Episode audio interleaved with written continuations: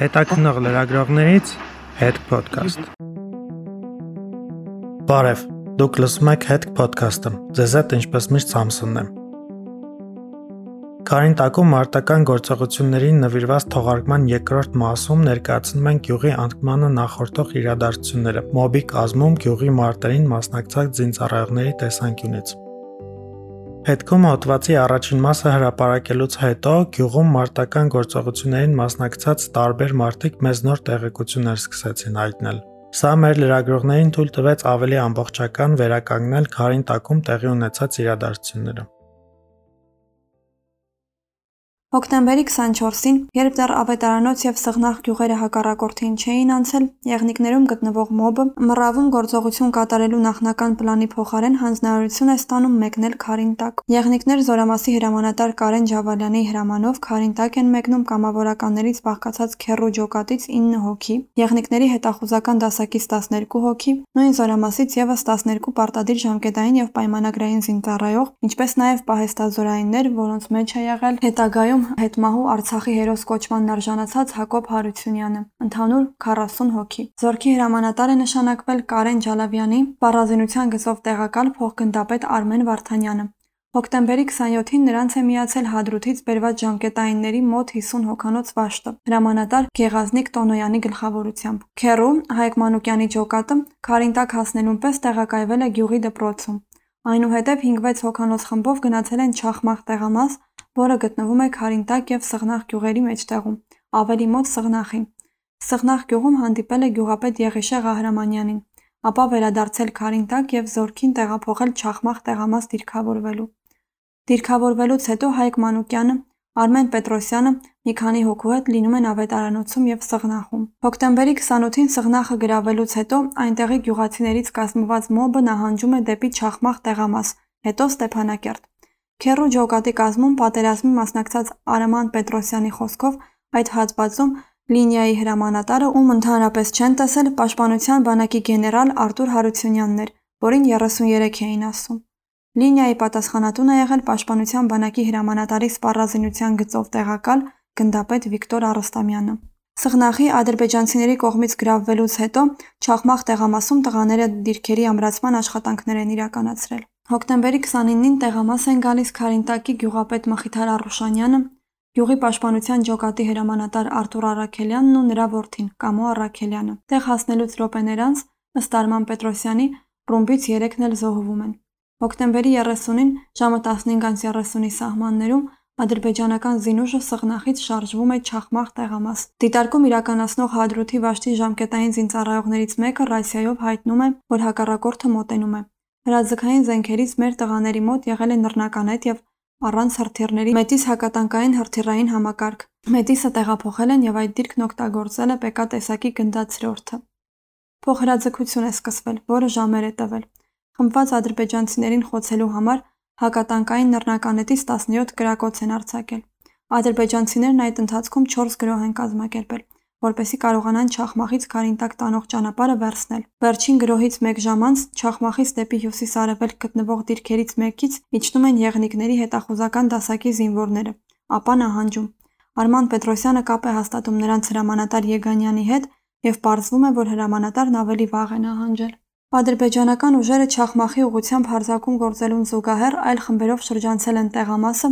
Քարինտակ գյուղը եւ առաջացել դեպի Նաբիլար երբեմնի գյուղ, ապա հատելով Լիսագոր-Շուշի ճանապարհը գնացել են Իսայի աղբյուր (Իսաբուլաղ) և շարժվել դեպի Շուշի։ Հոկտեմբերի 31-ին Չախմախում մարտերը շարունակվել են։ Իրավիճակը քննարկել և ելքեր են փորձել գտնել հետմահու Արցախի հերոսներ Նարեկ Հովհաննիսյանը և Թովմաս Թովմասյանը, որոնք տեղակայվել են այն դիրքերում, որտեղից զորքը նահանջել էր։ Նարեկը կապ տվեց ՊԲ, ասեց իրավիճակն այսպես է։ Թովմասն էլ ռացիայով Քյոխի հետ էր կապի։ Քյոխը ասեց՝ թողեք գամ ես ընդհանուր ղեկավար եմ, դրանց ջարդեմ տամ ձեզ, չթողեցին։ Իրավիճակը վերհիշեց Արման Պետրոսյանը։ Նարեկ Հովհաննիսյանն առաջարկել է գրոհ կազմակերպել կարևոր նշանակություն ունեցող բարձունքը գրավելու համար։ Նրանք պատրաստվում են գործողության, սակայն տեղում կռվող տղաներին հրամաններ տալու համար Պաշտպանության բանակի հրամանով Քարինտակ է գործողվում Սպա Հարություն Մնացականյանը, որի եղբայրը Գառնիկ Մնացականյանը զոհվել էր Շուշիի մատույցներում պաշտպանական մարտերի ժամանակ վիրավորներին դուրս բերելիս։ Հարություն Մնացականյանը զորքին փոխանցում է պաշտպանության բանակի հրամանը, որ պետք է նահանջեն, որպիսի կուտակված ադրբեջանական զորքին հրետանային համակարգով խոցեն։ Տղաները հավաքում են զենքերը եւ նահանջում Քարինտակ գյուղ։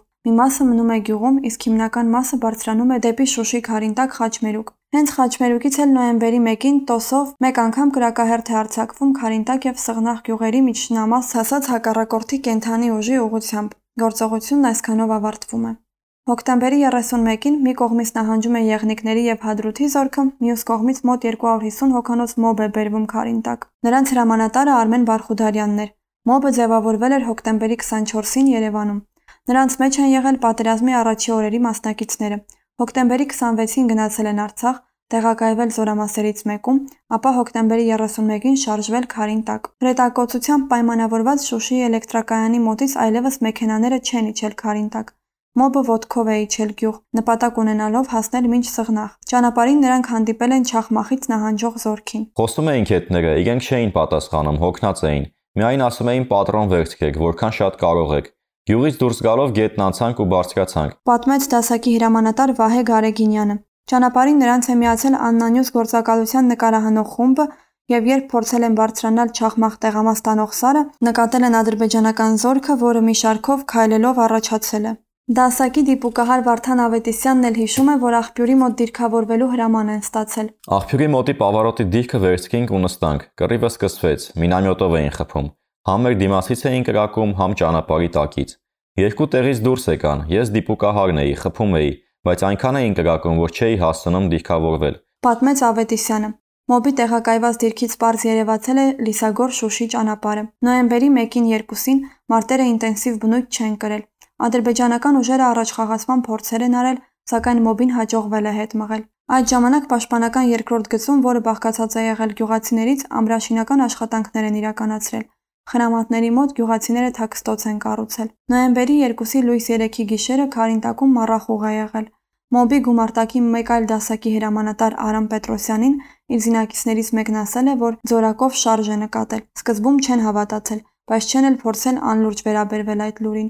Գիշերային դիտման սարքեր չեն ունեցել, իսկ դիպուկահարի հրացանների վրայի գիշերային տեսանելիության հեռադիտակներն օգուտ չեն տվել, քանի որ մարտկոսներում էներգիա չի եղել։ Հետո են ողջել, որ հակառակորդն այդ զորակով ներթափանցել է գյուղ։ Նրանց նկատել են գյուղի պաշտպանական ջոկատի տղաները եւ գնդացրի կրակահերթով կանխել առաջխաղացումը։ Արամ Պետրոսյանի խոսքով նոյեմբերի 3-ին ադրբեջանցիները Քարինտակի գյուղացիներից կազմված ջոկատին խոցելու նպատակով տոս համալիր են բերել, որը սարի հետևից դուրս է եկել գիշերը։ Լույսերը միացել են եւ կրակահերթ արձակել։ Տեղը ճշգրտեցինք, մեռանք ռացիայով ասելով, որ ես ինչ տեղն է, մի հատ մինամյոտ բերեք խփեք։ Տոսին խփելը մի վարքյան է, լուսքի էլ գցես կտրակի։ Ինչ արինք շարինք, տենց էլ չխփեցին։ Պատմում է Արամ Պետրոսյանը։ Լուսադեմին նկատել են, որ ադրբեջանական ուժերը կուտակվել են մոտակա բլրի հետևում։ Տղաները մարտի են բռնվել, վիրավորներ են տվել։ Մոբի կազմում մարտերին մասնակցած Վահե Գարեգինյանի դասակն էլ լուսադեմին նկատել է, որ մոտ 700 մետր հեռավորության վրա դիրքավորվել է հակառակորդը։ Այդտեղից էլ կրակ են վարել մոբի դեմ։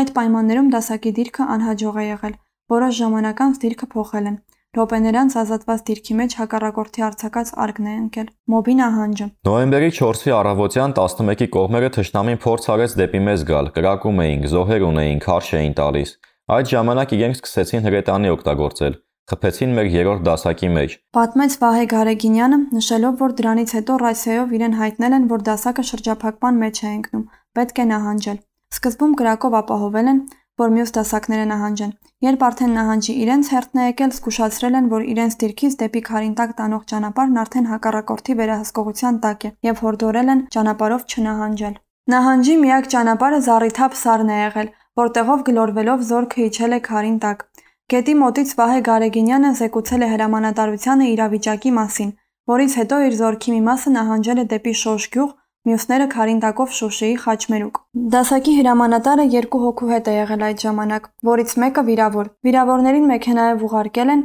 իրենք որոշ ժամանակ մնացել են Քարինտակի դպրոցի մոտ։ Ժամը 17:00-ի սահմաններում իրենք էլ են նահանջել, բարձրանալով Շուշի Քարինտակ Խաչմերուկ։ Այնտեղ հանդիպել են եղնիկների զորքի մի մասին, որն ավելի վաղ է նահանջած եղել։ Դասակի հրամանատար Արամ Պետրոսյանն էլ իր դասակի նահանջը կազմակերպել եւ տեղակայել է Քարինտակ գյուղում։ Կապ են հաստատել մոբի հրամանատար Արմեն Բարխուդարյանի հետ, որը հարցրել է, թե կարող են արդյոք հետ գնալ, որտեղից նահանջել են։ Նրան տեղեկացրել են, որ հրետակոծությունն այնպիսին է, որ եթե իրենց ներկայիս տեղից էլ դուրս գան, զոհեր կտան։ Գյուղացիներն առաջարկել են, որ գետով դեպի Շոշ փորձեն նահանջել, բայց վերջում որոշել են նահանջել Քարինտակի հիմնական ճանապարհի ուղղությամբ դեպի Շուշիի խաչմերուկ։ Դասակի հրամանատար Վահե Գարեգինյանը դժվարացավ պատասխանել, թե ինչու օգնություն չի ուղարկվել իրենց, ինչու հրետանիով չի ոչնչացվել Չախմախ Քարինտակ ճանապարհը վերահսկող հակառակորդը։ Նույն հարցին ի պատասխան դիպուկահար Վարդան Ավետիսյանն էլ ասաց. Հա ռացիայով կապնվեցինք, ասեցինք տեխնիկան իջնում է, ասեցինք հեսա երևի կխփեն։